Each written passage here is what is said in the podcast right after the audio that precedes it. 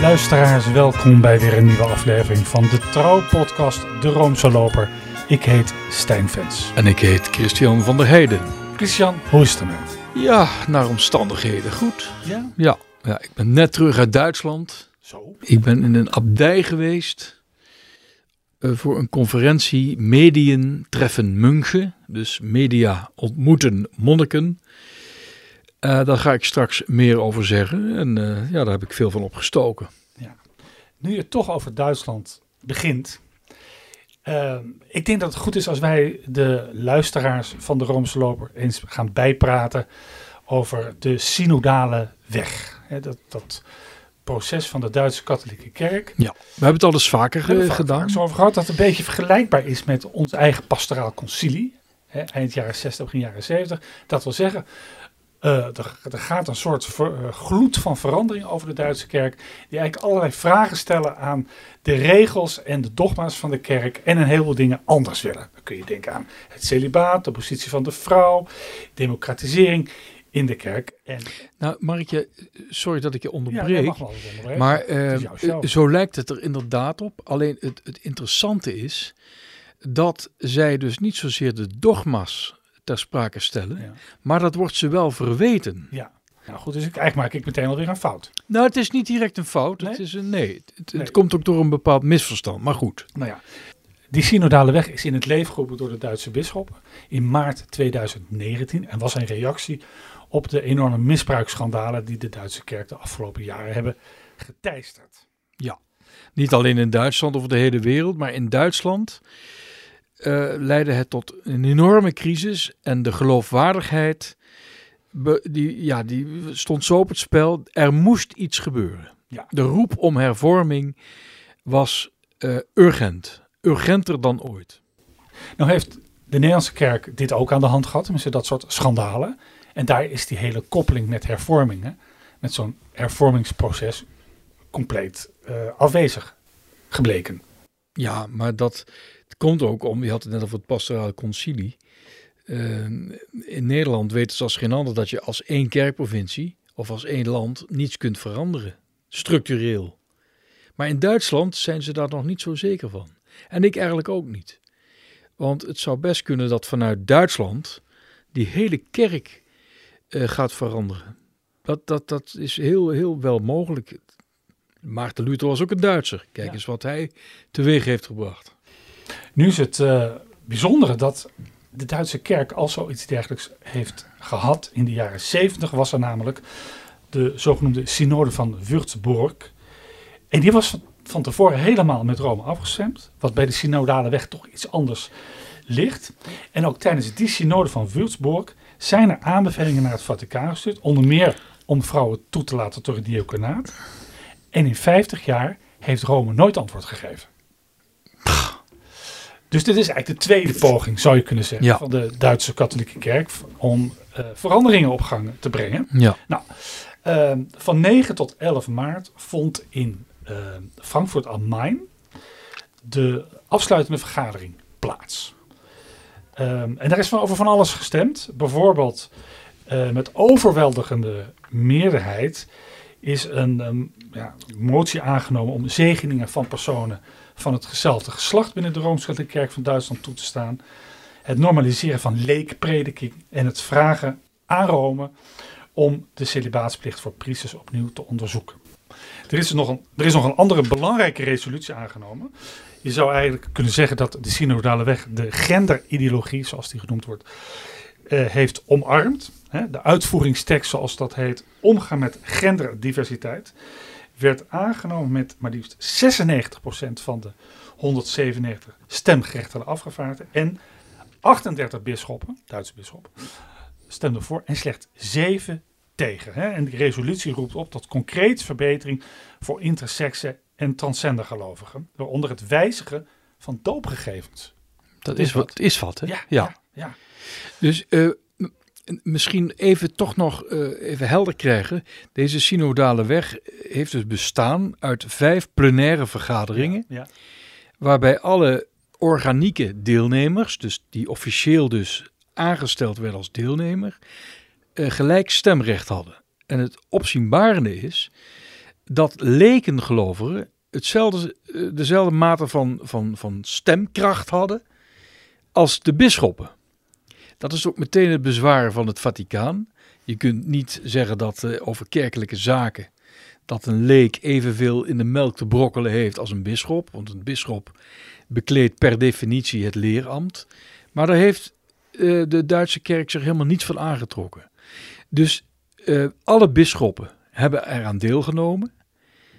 En daarnaast afgevaardigden van de verschillende geledingen binnen de Duitse kerk. Zoals de klerus, de religieuzen, uh, verschillende uh, beroepsverenigingen binnen de kerk, uh, bewegingen, noem allemaal maar op. heel veel lekenbewegingen. En die, zij waren de vertegenwoordigers van de zogenaamde ZDK. En dat betekent Centraal Comité van de Duitse Katholieken. En jij zegt terecht dat het Vaticaan grote moeite heeft met, uh, met, dit he met deze synodale weg. De, ook de paus, paus Franciscus, ja. die heeft hem zelfs gevaarlijk genoemd. Elitair. Elitair. En hij zei, Duitsland heeft al een ja. wonderbare evangelische kirche. Ja. Ja, dat vond, dat vond ik wel leuk dat hij toch zei. Dat hij toch, met, dat hij toch een compliment gaf aan de protestantse kerk. Maar eentje is genoeg. Ja, en, en de Duitse bisschoppen zijn nog niet zo lang geleden op Ad Limina bezoek geweest in Rome. Toen hebben ze van een aantal hoofden van dicasteries echt om hun oren gekregen. Dat ze, ja, het werd niet verboden, maar er werd wel dringend op. Er werd echt op aangedrongen om zich te matigen. En liefst zien een heleboel mensen in Rome dat ze er onmiddellijk mee ophouden. Ja, en er zijn erbij uh, curieprelaten, weliswaar niet meer in actieve dienst. Ik heb het dan al bijvoorbeeld over de Amerikaanse kardinaal Raymond Burke. Ja. Of, Müller, Müller, uh, of de, de Duitse uh, ex-prefect van de geloofscongregatie Müller. Die pleiten er zelfs voor om de bisschoppen die gestemd hebben voor die controversiële resoluties, namelijk over het zegenen van, van homoparen, over die gendergelijkheid en wat iets meer zei, om ze voor het gerecht te dagen. Ja. Om ze dus naar Rome te halen en ze daar te vervolgen voor het hoogste tribunaal. En daar gewoon een, eigenlijk een ketterproces te starten. Dat is niet niks, hè? Nee, het geeft ook aan dat het, dat het op dit gebied hard tegen hard gaat. Ja. Maar ik vermoed toch dat, uh, dat die twee die ik hier nu heb genoemd eigenlijk te weinig uh, gewicht hebben binnen het Vaticaan. Dat, ze, dat hun uh, oproep echt ook navolging krijgt. Ja. Nou, even terug naar die, die afsluitende vergadering. Ja. En daar is nog een uitvoeringstekst aangenomen, namelijk over vrouwen in het sacramentele ambt. Ja. Perspectieven voor de universele kerkdialoog, om, werd eraan toegevoegd. Um, nou, die kreeg ook weer ruime steun, ook van de bisschoppen. 58 bisschoppen stemden voor en 10 slechts tegen. Nou, en wat zegt dan die uitvoeringstekst? Die roept de Duitse bisschoppen op om de kwestie van de sacramentele wijding van vrouwen op het continentale en universele niveau van de kerk te bevorderen. Nou ja, dat is toch het een van de grootste hete hangijzers binnen de kerk, positie van de vrouw uh, uh, en uh, de priesterwijding van vrouwen. Ja, dat speelt eigenlijk in Duitsland de allergrootste rol. Ja. Dus dat noemen ze daar de Gleichberechtigung van mannen en vrouwen. Dat leeft daar zo in Duitsland. Afijn, ik ben dus in die abdij geweest. Zal ik er alvast iets over vertellen? Of, of, of eh, heb jij nog meer te zeggen erover? Even ter inleiding van de synodale week. Nou nee, ik, heb, ik kom er later nog wel even over uh, de, de, de tekst van Paulus VI en van Johannes Paulus II op dit gebied. Want er zijn hele duidelijke uitspraken van het leergezag over dit gevoelige onderwerp. Nou, ik, ik was dus uh, bij die conferentie boven op een, uh, op een, op een berg, kloosterberg in Meschede, in het Sauerland, in de abdij Königsmünster, bij de Benedictijnen. Schitterende abdij gebouwd, die abdijkerk gebouwd in de jaren 60. Het is ook nog maar een jong klooster opgericht in de jaren 20. In 1941 besloten de nazi's er een einde aan te maken. En werden heel veel broeders die werden onder de wapenen geroepen. Waarvan de meeste ook nooit meer terugkwamen. Die sneuvelden aan het oostfront. Echt heel triest. En in 1946 is die abdij weer opgebouwd. Wel onder protest van de lokale bevolking van Meschede, want die waren zo bruin als, als, als stront. Die waren, dit waren gewoon, dat was een nazi-dorp, dat Meschede. Maar goed, dus dat is, om de anderhalf jaar organiseren zij een conferentie met journalisten en met monniken. En een van de sprekers die ze daarvoor hadden uitgenodigd was een Benedictines. En ik zag haar voorbij komen. Ik denk, waar ken ik die vrouw van? En ik, ik had eigenlijk, was zo stom geweest om niet van tevoren dat even te googlen. En eh, toen bleek het inderdaad te gaan over eh, zuster Philippa Raad. Indrukwekkende persoonlijkheid. Eh, zij is een, dus een Benedictines, ze is een, een politicologe, zij is historica en ze is theologe. Normaal zet ik die geslachtsvorm er niet bij, maar in Duitsland kan dat niet. Je moet alles wat maar verwijst naar de vrouw, dan moet je in achterzetten. Dus historikerien en theologien. Dus ook een podcast-presenterien. Presenter, ja. Ja. En een priesterien. Want daar gaan we het over hebben. Namelijk deze indrukwekkende zuster Philippa Raad is een van de belangrijkste voorvechters, sorry, voorvechtsters hè, van eh, de vrouw in het ambt, in het katholieke ambt. En zij is ook eh, eh, namens de, eh, de, het Centraal Comité van de Duitse Katholieken afgevaardigd geweest naar de synodale weg voor het eh, debatstuk Vrouwen in het Ambt. En waarom hebben ze haar gekozen? Of liever gezegd, waarom had de abdis van haar abdij haar gekozen? Omdat zij er namelijk achter kwam dat inderdaad vrouwen, ook al hebben ze nog zoveel gestudeerd, tweede rangs leden zijn van de kerk. En hoe kwam ze daarachter? Zij heeft zich namelijk eh, heel erg ingezet eh, voor de public relations rondom de heiligverklaring van Hildegard van Bingen. Want haar abdij is de abdij Sankt Hildegard in Eibingen bij Rüdesheim. Daar gaat er toch een belletje rinkelen ergens in mijn Ja, hoofd. zeker. De prachtige film van Herman Vinkers, eh, De Beentjes van Sint Hildegard. Ja, die gaat op bedevaart naar, eh, Precies. naar, eh, daar naartoe. Ik vroeg dat ook aan, aan zuster Philippa. Ik zei, kent u Herman Vinkers? Nee, van Ihnen heb ik nog niemals eh, gehoord. Ik zeg, dat wordt dan eens tijd. Dat is weer dan eens een keer Ik zeg, hij heeft een schitterende kinofilm ge- gemaakt. En die moet u zeker zien met de communiteit daar in uw klooster. Want, want op het einde gaat de hoofdpersoon, die gaat op bedevaart naar uw klooster. Nee, nee, nee, nog, nog niemals eh, eh, van gehoord. Misschien een oproep aan Herman Vinkers. Ik hoop dat hij... Herman, als je luistert, ja. Ja, misschien kun je een soort speciale vertoning organiseren Ja. in het klooster met uh, onder, uh, ondertitels. En dan, dan, dat lijkt me fantastisch. Dan gaan we ook mee. ja, daar gaan wij mee. Ja, daar gaan we mee. Ja. Ja. Nou, even terugkomen op, op zuster Raad en haar bijdrage aan, aan het hele debat over de, de, de priesterwijding of de diakenwijding van vrouwen.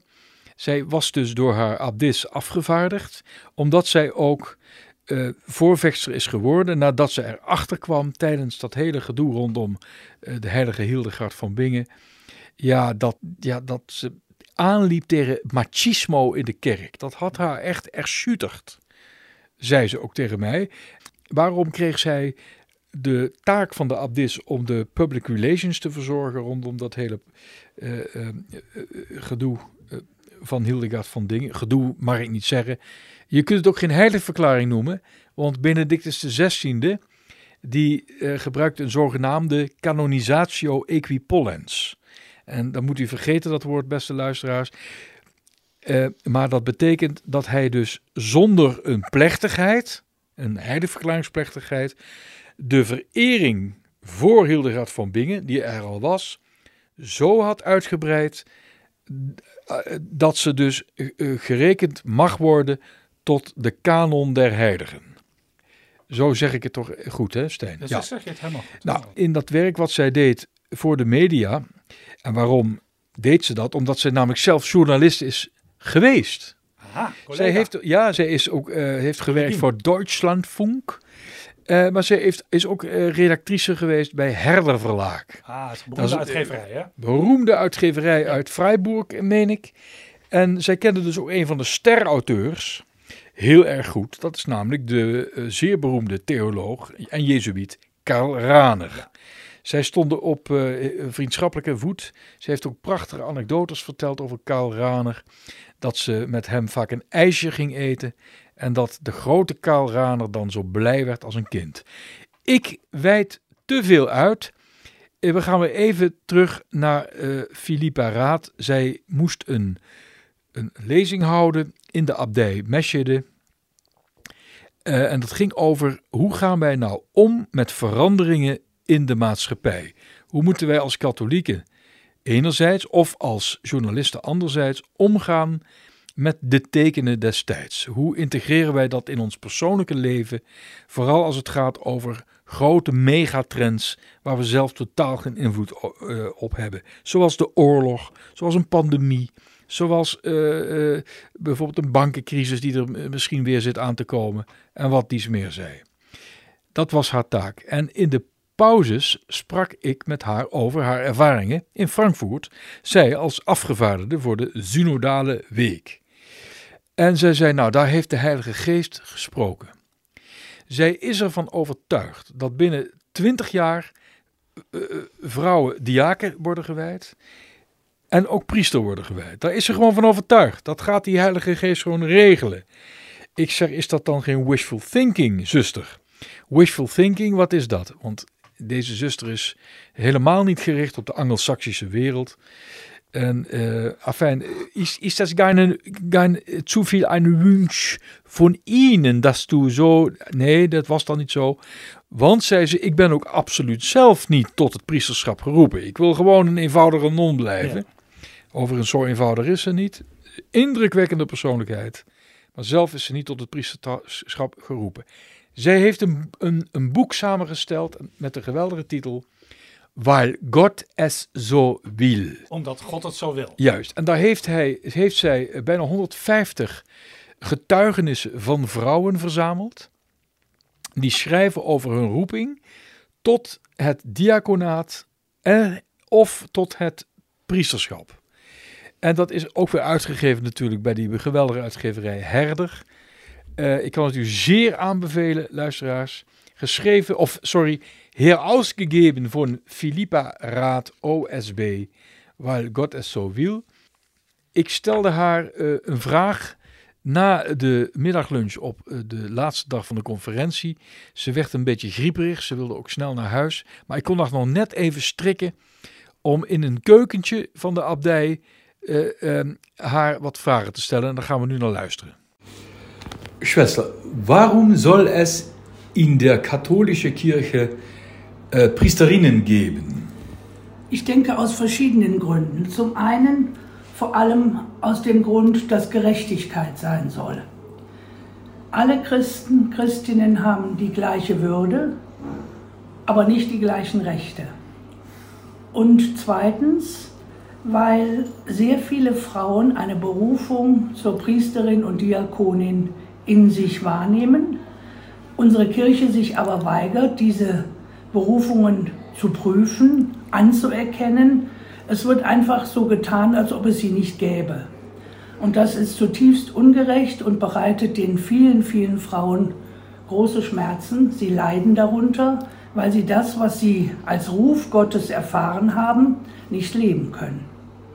Und das Buch, das, das Sie äh, äh, zusammengestellt haben, haben, haben auch Bischöfe gelesen. Das haben auch Bischöfe gelesen und mir haben mehrere Bischöfe persönlich gesagt, sie hätten ihre Meinung zum Thema Frauenpriestertum durch die Lektüre dieser Lebenszeugnisse von 150 Frauen deutlich geändert. Und das haben wir auch bemerkt im synodalen Weg, dass sich doch sehr viele Bischöfe auch für die Anliegen der Frauen eingesetzt haben.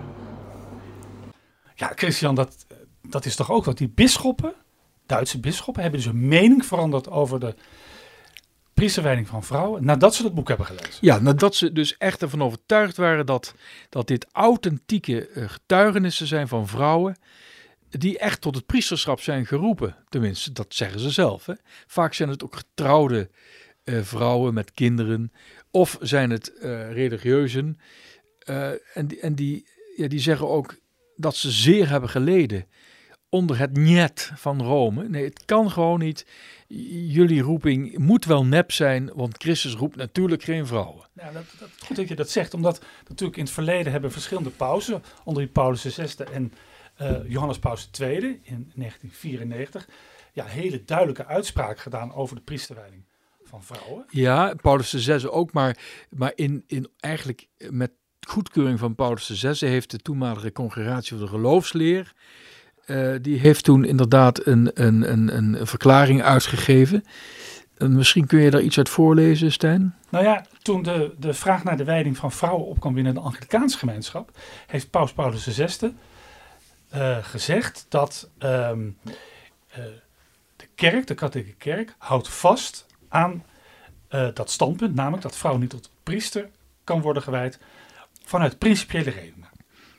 En tot die redenen behoren dat het de Heilige Schrift, eh, dat ik citeer even, dat het in de Heilige Schrift gegeven voorbeeld van Christus, die alleen mannen tot zijn apostel verkoos, de constante praktijk van de kerk is, die in de uitsluitende keuze van mannen Christus navolgde en in haar levende leerambt daaraan voortdurend vasthoudt. He, namelijk dat de uitsluiting van vrouwen tot het priesterambt overeenstemt met het plan van God met zijn kerk. Ja. En uh, dus de verklaring. Ja, van de congregatie van de geloofsleer. Daterend even goed voor de goede orde. Die heet Inter Insignores. Die dateert van 15 oktober 1976. Ook weer heel geniepig eigenlijk. Op het feest van Theresia van Avila. De grote mystica uit Spanje van, uh, dat is ook weer zo'n zo signaal van, nou, zij was er ook geen priester, maar wel kerklerares.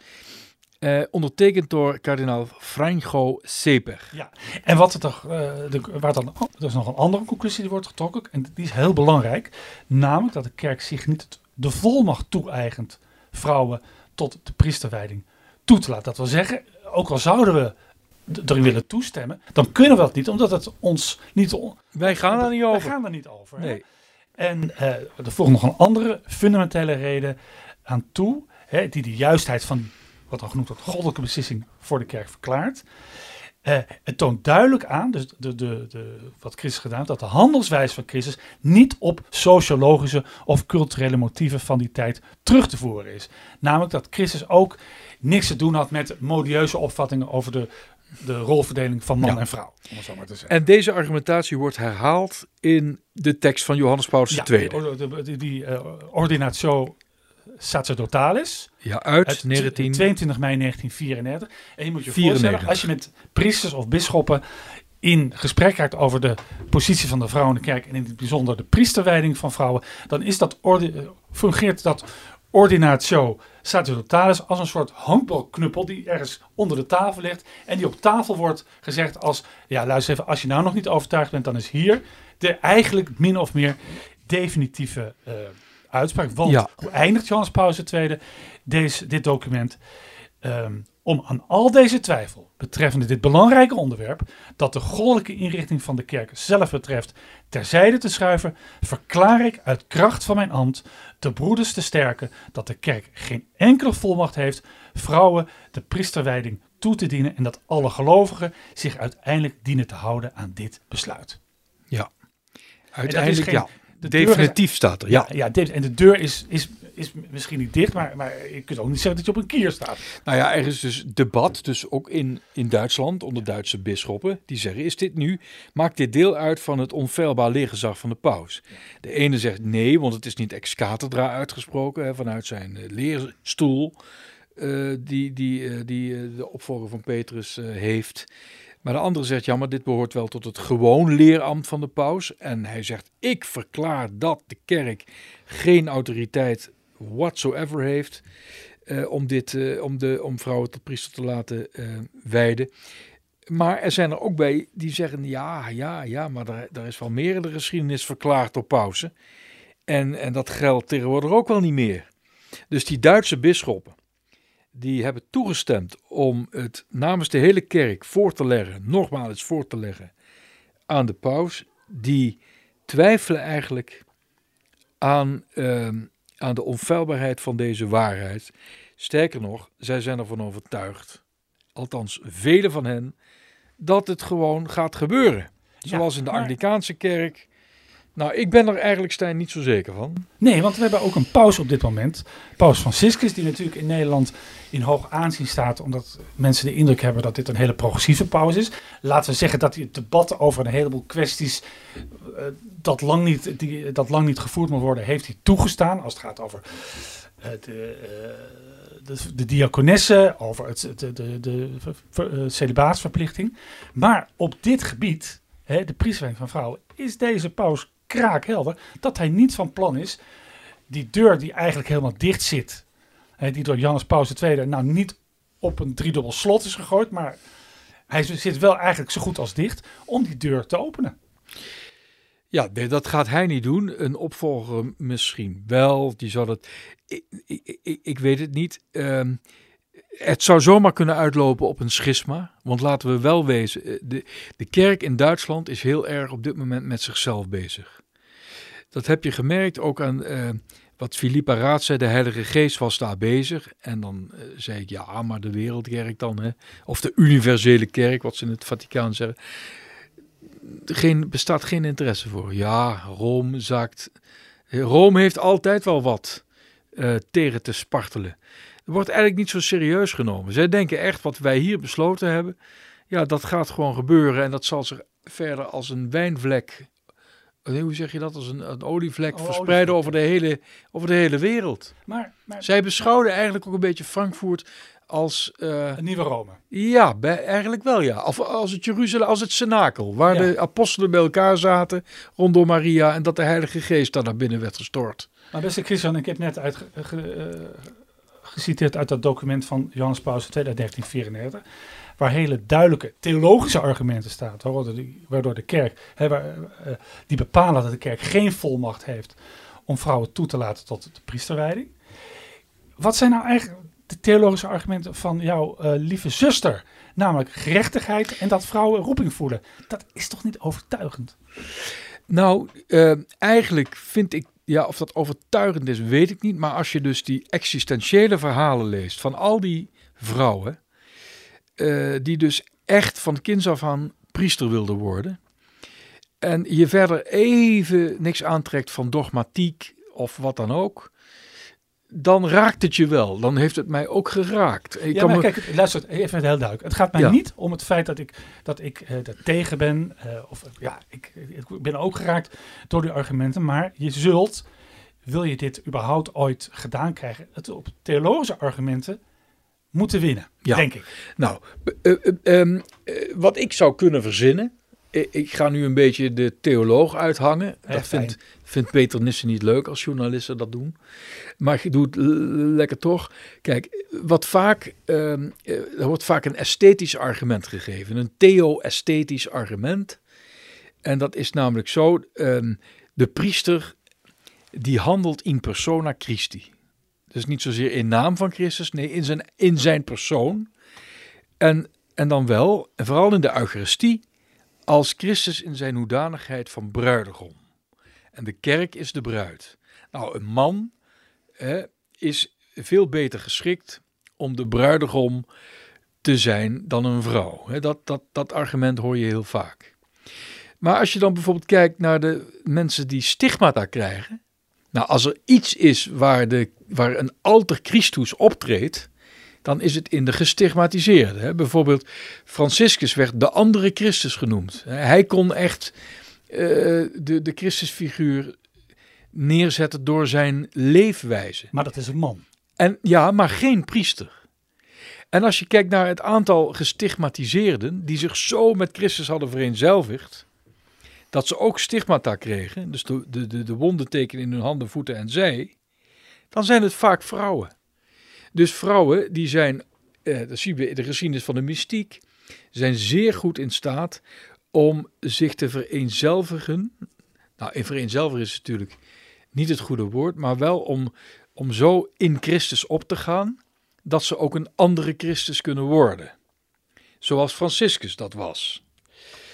Um, dus misschien dat we daarmee dat esthetische argument van tafel kunnen uh, uh, vegen. Een ander argument is dat uh, het er ook niet uitziet. Dat hoor ik ook wel eens. Een mijter op een, op een, een mijter is natuurlijk een symbool om dat even uh, Freudiaans te duiden. en een staf. Nou ken ik jou al een hele tijd. Nee, maar dat, heb ik er nog nooit tegen aangekeken. Vallen symbool voor een meid. Nee, nee, maar dat zeg ik ook niet. Maar dat hoor ik gewoon. Ja, ja. ja maar het is wel een langwerpige hoed.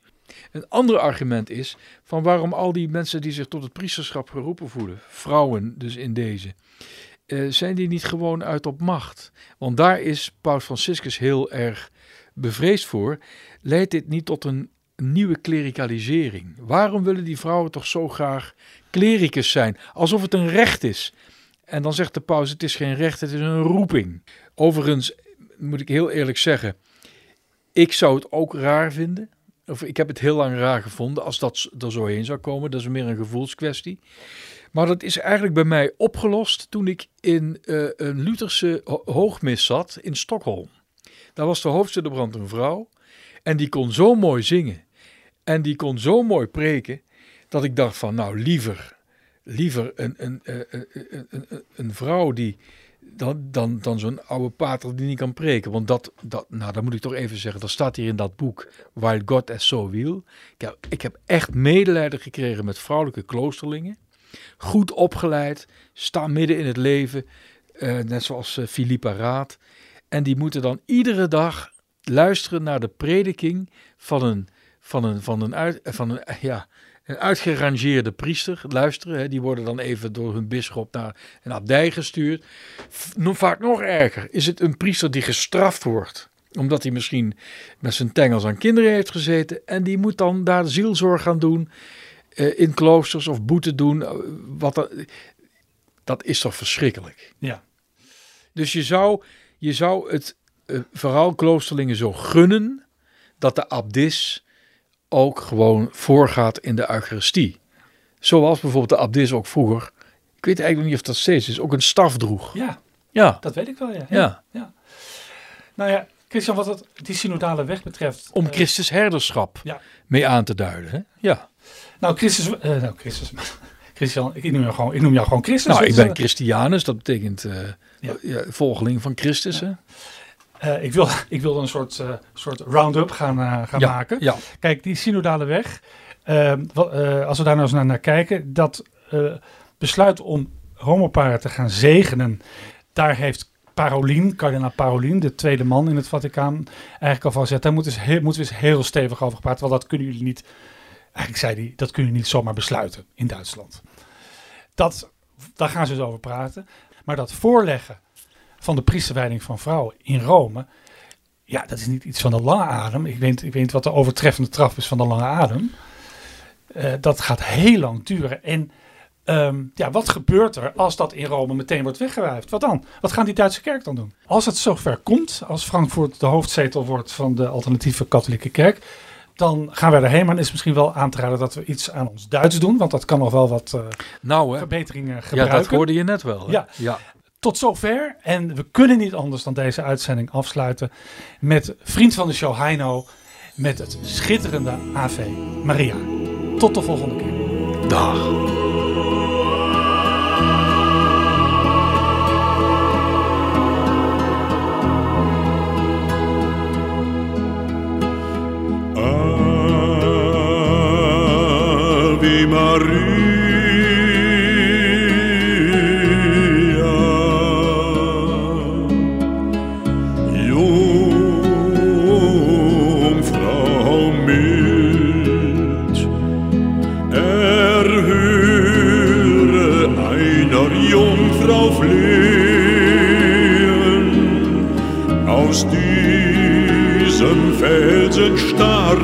Wild soll mein Gebet zu dir hinwehen.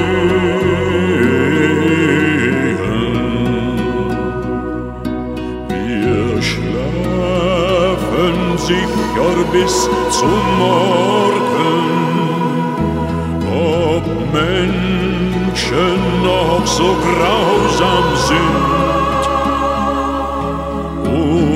Jungfrau, sieh der Jungfrau sorgen. O Mutter, hör ein betend Kind.